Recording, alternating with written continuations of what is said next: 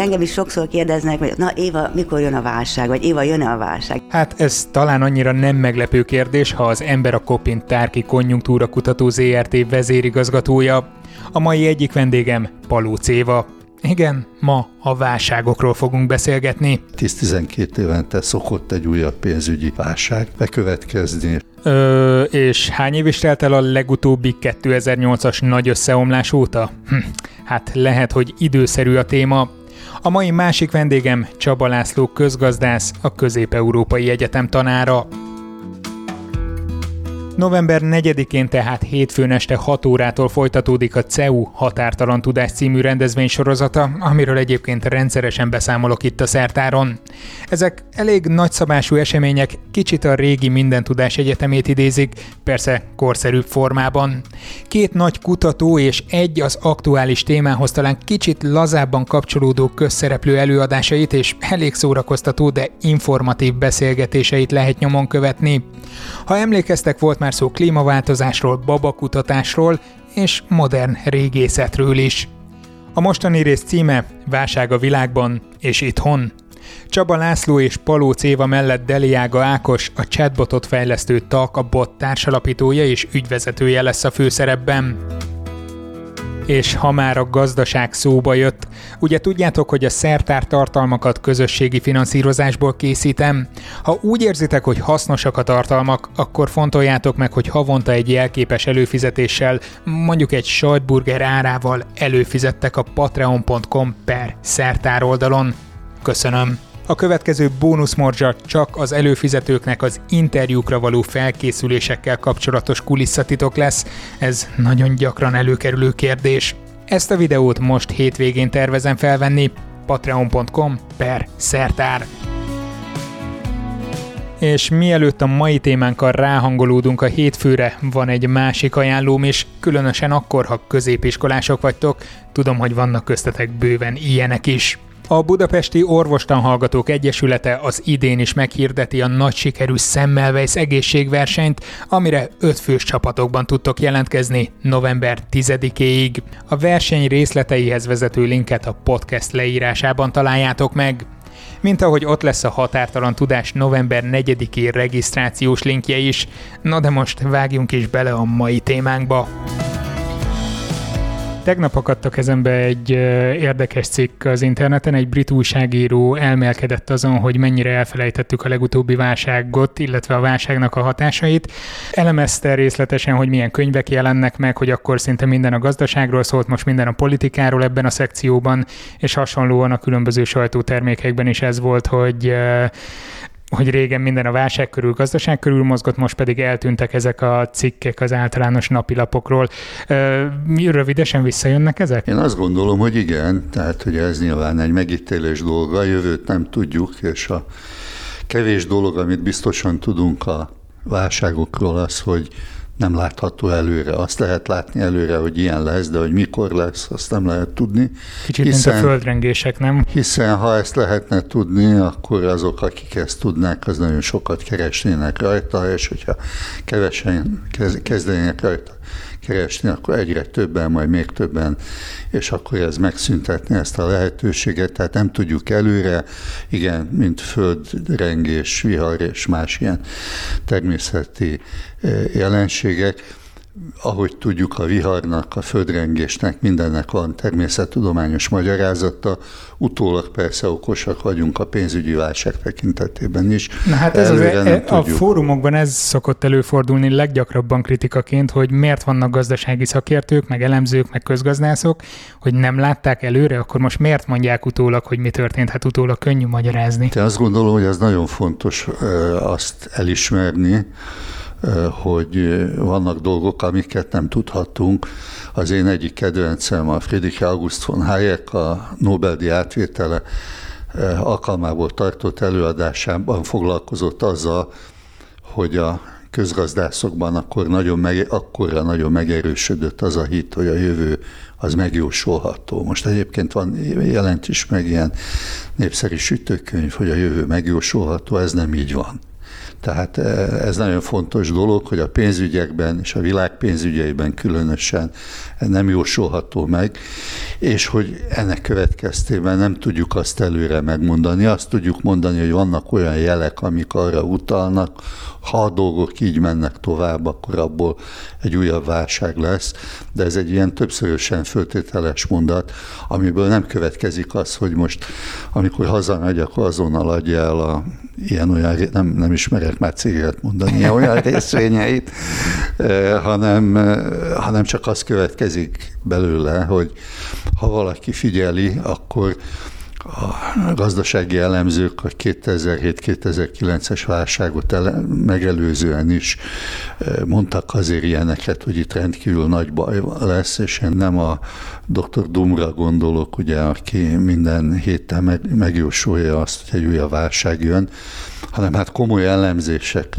elemzőkre gondolok, Raghuram Rajanra, aki akkor a Világbanknak volt a vezető közgazdásza, később pedig a indiai nemzeti bank elnöke, rengeteg szakciknek a szerzője, a valuta alap közgyűlésén beszélt erről, hogy itt most baj van, hihetetlen túlértékeltség van, ez így nem maradhat tovább, és hát nagyon leszólták őt akkor, akik őt hallgatták, egy év sem kellett hozzá, hogy kiderüljön, hogy neki ebben a kérdésben igaza volt. Tehát még egyszer nem arra gondolok, hogy vannak olyanok, akik szerint mindig minden válságban, egyáltalán a kapitalizmus, az emberiség, a társadalom, a természet minden eh, válságban van, nem ilyen értelemben, hanem hogy előrelátható, hogy most már tíz év eltelt a legutóbbi válság vége óta, és azért ilyenkor, tehát 10-12 évente szokott egy újabb pénzügyi válság bekövetkezni, és ez önmagában véve kiindulási alap lehet arra, sok minden más mellett, ami arra utal, hogy ilyen lehet. Még egy mozanatot említenék, ugye az, hogy az értékpapírok túl vannak értékelve, általában minden, amiben befektetünk, az úgy tűnik, hogy túl van értékelve, lakások, kakaóba, festmények, ez abba az irányba mutat, hogy hát az kiszokott igazítódni, azt hívjuk egyszerűség kedvéért válságnak. Udvariasan azt mondjuk, hogy átértékelődnek az aktívák. Így is lehet mondani. Ez Igen, erre jelenti. akartam rákérdezni, mert ennek a rendezvénynek a felvezetőjében egy rövid videót tettek közé önnel, és körülbelül úgy mesél arról, hogy rövidesen jön a következő válság, mintha esti mesét mondana olyan nyugalommal.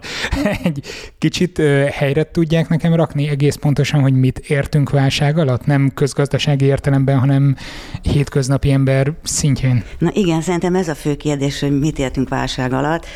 Azt értjük válság alatt, ami mondjuk 1929-32-ben volt a nagy válság, vagy ami 2008-10-ben, amikor tényleg ilyen földrengésszerűen az egész világot és a bankrendszert is megrázta egy olyan csapás, ami szétzilálta a gazdasági kapcsolatokat, tehát lényegében megbénította a gazdaságot, ezért ö, ö, óriási elemi erővel hatott.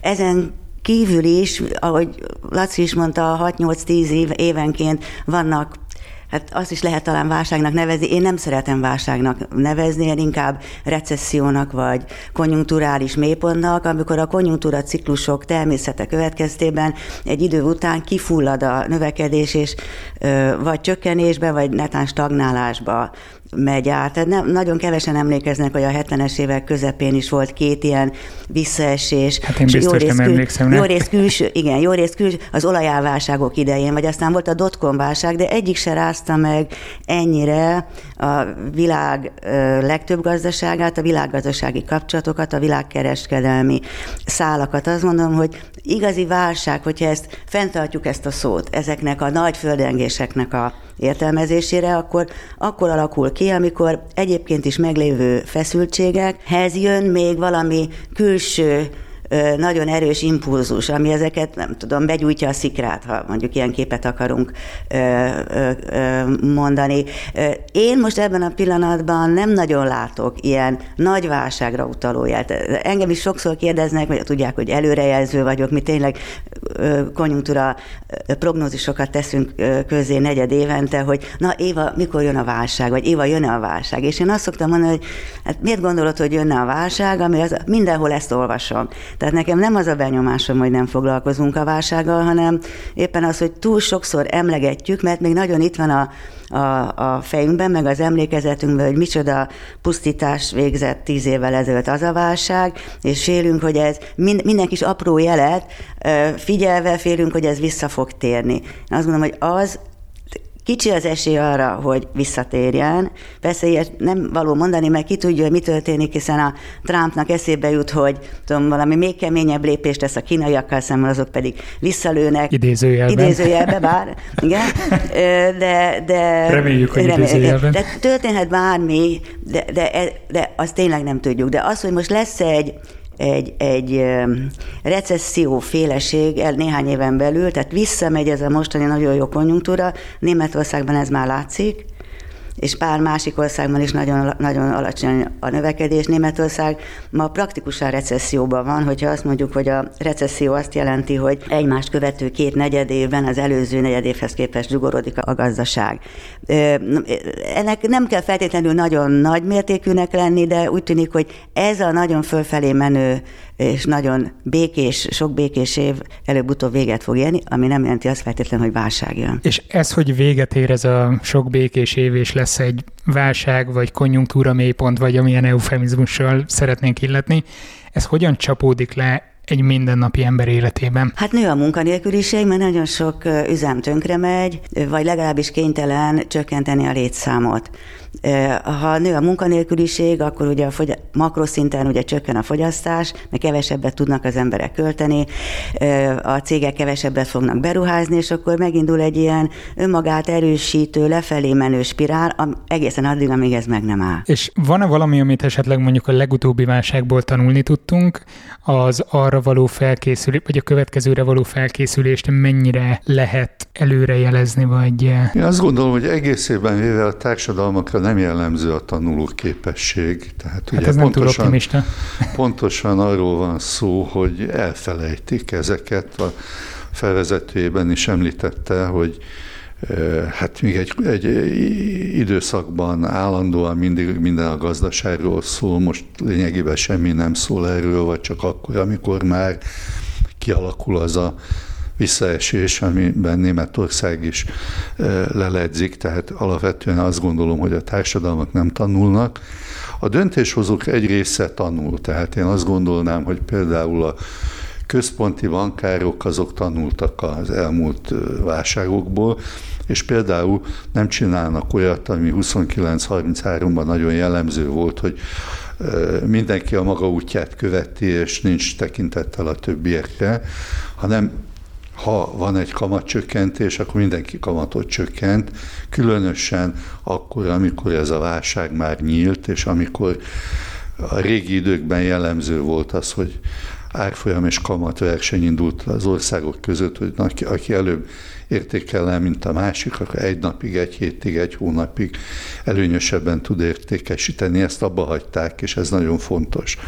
Azt gondolom, hogy a szabályozók jelentős része is tanult valamit, nem nagyon sokat, de valamennyit tanult. Tehát nem engednek bizonyos típusú pénzügyi ügyleteket olyan időszakban, különösen nem, amikor jellemző az, hogy mindenki megijed és próbálja a pénzét a bankból kivenni. Igyekeznek előírni mindenféle személyi felelősséget, ez különösen az amerikai szabályozásban egy újdonság. Eddig jellemző volt az, hogy bűn volt, de nem volt bűnös. Hogy lehetett tudni, hogy nem akarom sorolni a cégeket, hogy ez az amaz összeomlott, de ennek nem volt konkrét felelőse. Hát ezt most előírták, hogy minden cégnél meg kell mondani, hogy a pénzügyi eredményért ki a felelős. De egy ennyire komplex folyamatnál rá lehet mutatni egy-egy emberre, hogy akkor ez a te döntésed következménye, hogy... Hát azt nem lehet mondani, hát a propagandát leszámítva, hogy van Éva egy... szeméből látom a, hogy van egy, választ. Van egy, van egy Mr. Soros, aki ugye ott áll minden mögött. Ezt tudjuk, azt is tudjuk, hova tegyük ezt az érvet. Nem, itt arról szól a történet, hogy amikor egy cég, egy bank, egy vállalat adottan egy egyetem csődbe megy, akkor ezek a szabályok azért előírják azt, hogy körülbelül ki az a két-három ember, akit elő kell venni, és nem lehet azt mondani, hogy hát már a nagypapa idejében is volt adósság, és hát ennél a cégnél nem volt szokás pontosan vezetni a bevételeket és a e, kiadásokat. Ugye ez az elmúlt válságban egy óriási ellentmondás volt, hogy miközben, ahogy Éva is említette, nagyon sokan váltak munkanélküliekké. Csak egy példát mondok, hogy a bankoknál dolgozók jelentős részének a nyugdíj megtakarítás az adott bank részvényeiben volt, hogyha azok nullára leíródtak, akkor ezek az emberek nyugdíj nélkül maradtak. Ezzel párhuzamosan mondjuk bankvezetők megkapták a jutalmukat, és hát luxus életmódot folytattak tovább. Ez óriási ellentmondásoknak a forrásává vált, és ezért az, hogy bizonyos cégeknél meg van mondva, hogy ki az, aki személyében felelős a félrelépésekére, ez egy előre vívő dolog. Emiatt gondolnám azt, hogy kevesebb az olyan nagy cég és nagy befektetési alap és bank, ahol semmiféle védelem nem lenne az esetleges fizetésképtelenséggel, árfolyamveszteségekkel szemben. Ugye attól is nőtt olyan nagyra a világ pénzügy forgalma, amit sokan felfúvódásnak, vagy annak neveznek, hogy elszakadt a pénzügy a, a, való, a valós a rágazdaságtól, mert hogy amikor kis haszonra lehet pénzt kölcsönözni, és ezeket a tőkéket azért nem szeretnénk elveszteni, akkor ellenügyletekkel biztosítani kell, hogy legalább a tőke megmaradjon, és ennek következtében nagyon sokszorosára nő a forgalom, de kicsi a valószínűsége annak, hogy egy nagy szereplő külön mindenkitől függetlenül bedőjön. És emiatt ugye a hatása egy ilyen pénzügyi válságnak az kettős, hogy egyfelől nagyon nagy összegek semmisülhetnek meg rövid távon, másik oldalról azért ma az nem jellemző, ami a 30-as években, 20-as években volt, hogy úgymond nyugdíjas állása nincs senkinek. Hát a nyugdíjasok a, a nyugati társadalmaknak egy igen jelentős részét, 25-30 százalékát teszik ki. Az állam nyugdíjat akkor is fizet, hogyha visszaesés van. Nyugdíjasok fogyasztása emiatt nem fog arányosan visszaesni, és emiatt a konjunktúra ciklusnak az emberek életét közvetlenül érintő hatása az kisebb lesz. Ebből nem az következik, hogy a elvesztett cégérték a megsemmisült pénzügyi befektetési érték az kisebb lenne.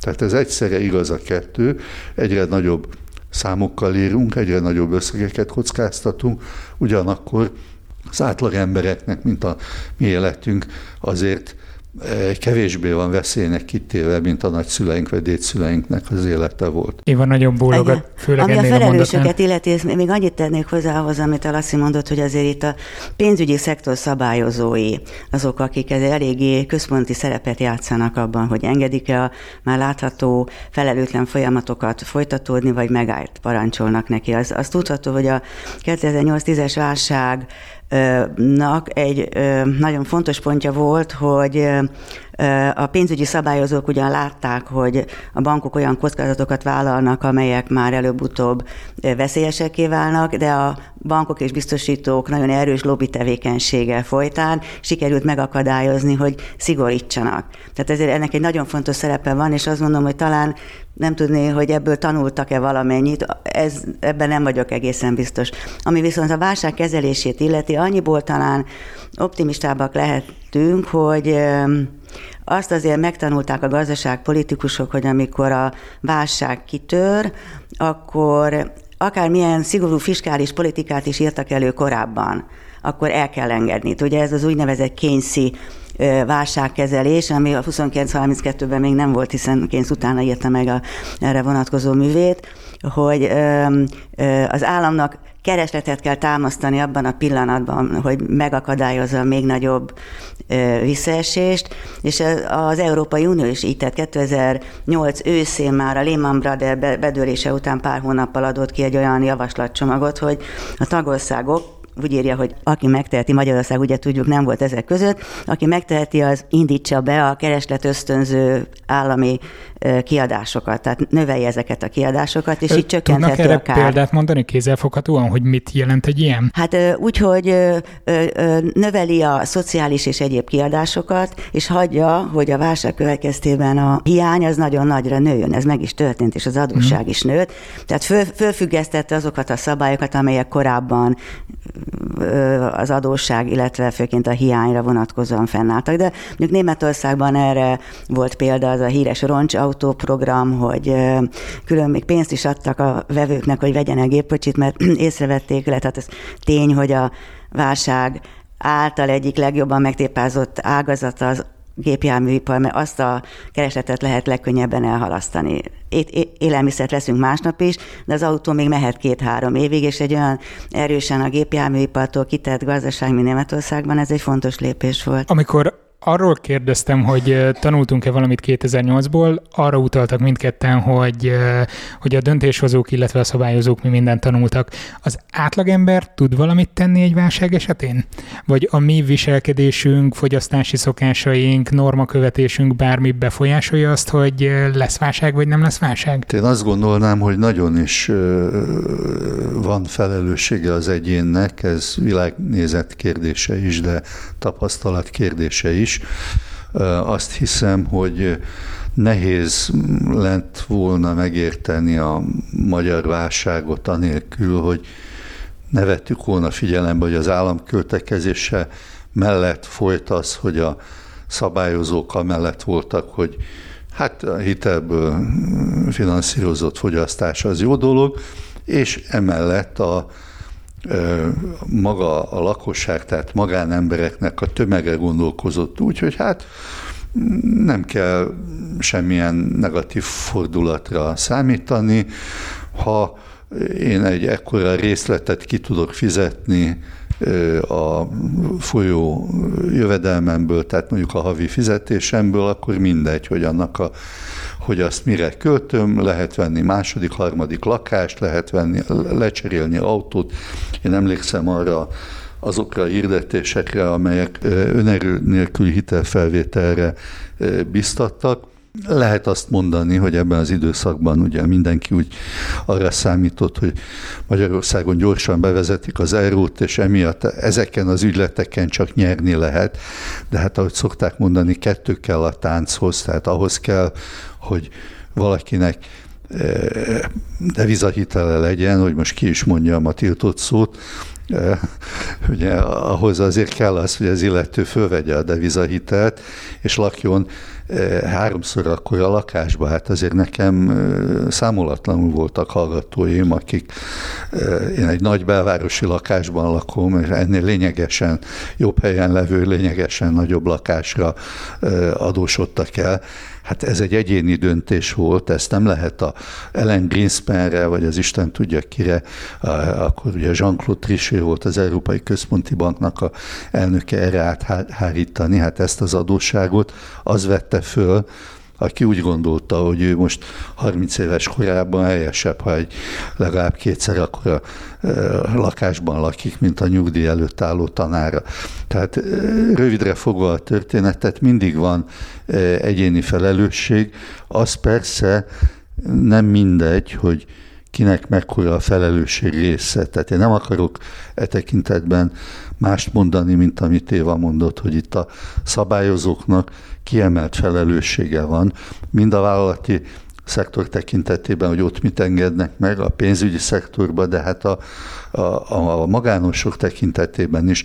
A Lengyelországban Lesek Balcerovics barátunk, aki akkor a Nemzeti Bank elnöke volt, lényegében végve 2005-ben vagy 2006-ban, tehát a konjunktúra csúcspontján leállította ezt a devizahitelezést, mert azt mondta, hogy ennek akkora a kockázata, hogy előfordulhat az, hogy Lengyelország nem vezeti be az eurót, mint tudjuk igaza lett, hogy akkor bizony nagyon sokan nagyon megégethetik magukat. Hihetetlenül népszerűtlen volt, nem csak emiatt, de emiatt különösen a bankszektorban, hogy hát egy közülünk ugye akadályozza azt, hogy mi könnyen, gyorsan sok pénzt keressünk és sok embert boldogát tegyünk. Nem kellett nagyon sok időt várni, hogy kiderüljön, hogy a lengyelek számára számos előnyük volt Magyarországgal szemben, de az egyik legfontosabb előnyük volt, hogy olyan léptékű devizahitelezés és devizaadóságok fölhalmozása, mint ami Magyarországon folyt, az nem történt meg. Tehát azt gondolom, hogy itt a szabályozó hatóságoknak a, a szakszerűsége, előrelátása, ki mikor, mire eh, biztatja, nem kell mindig rosszra gondolni, de nekem fülembe cseng az, hogy talán két évvel ezelőtt a Magyar Nemzeti Bank egyik vezetője egy konferencián mindenkit biztatott, hogy csak nyugodtan adósodjon ne vegyen harmadik, negyedik lakást is, mert ez egy milyen jó befektetés.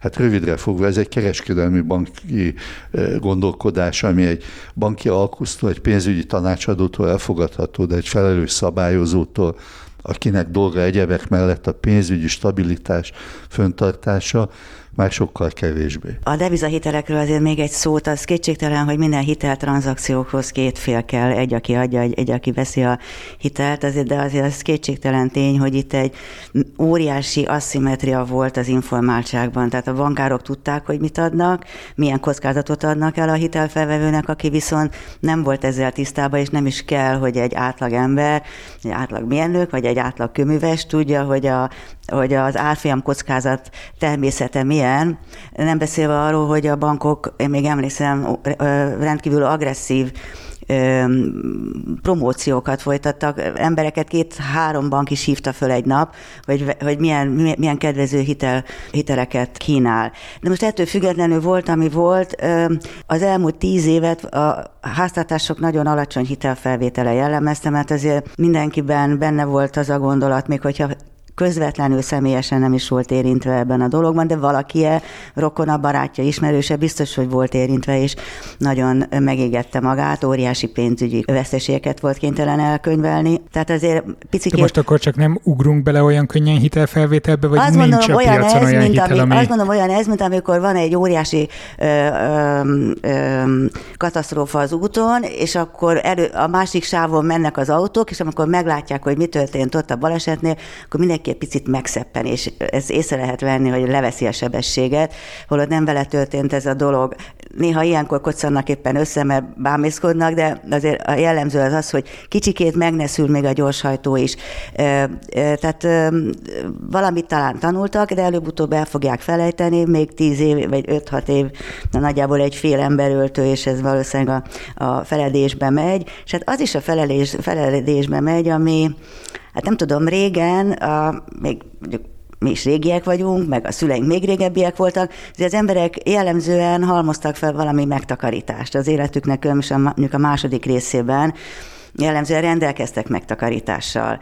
Ma ez valahogy olyan régi módinak tűnik, pedig azt gondolom, hogy nagyon hasznos ma is. Lassan kifutunk az időből, csak akkor nagyon röviden egy-egy mondatban az előadásuk hétfőn nagyjából miről fog szólni, mire lehet majd számítani? Én arról próbálok beszélni, hogy miért jönnek vissza a válságok, és hogy miért vagyunk eszköztelenek sok tekintetben.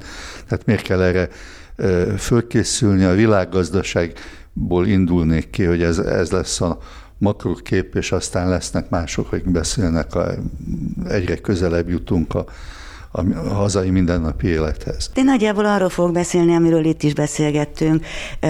Lényegében, amit Laci elméletileg elmond, azt én megpróbálom adatokkal, meg ábrákkal alátámasztani.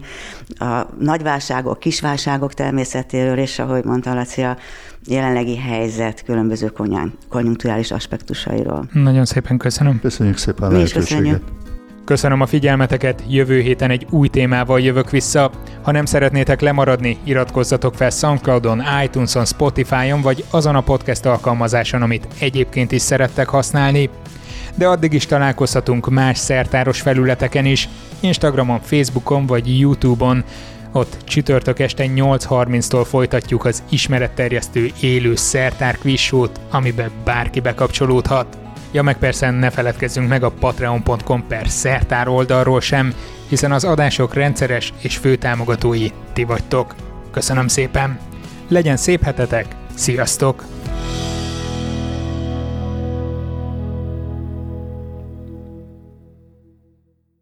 Ez a műsor a Béton közösség tagja.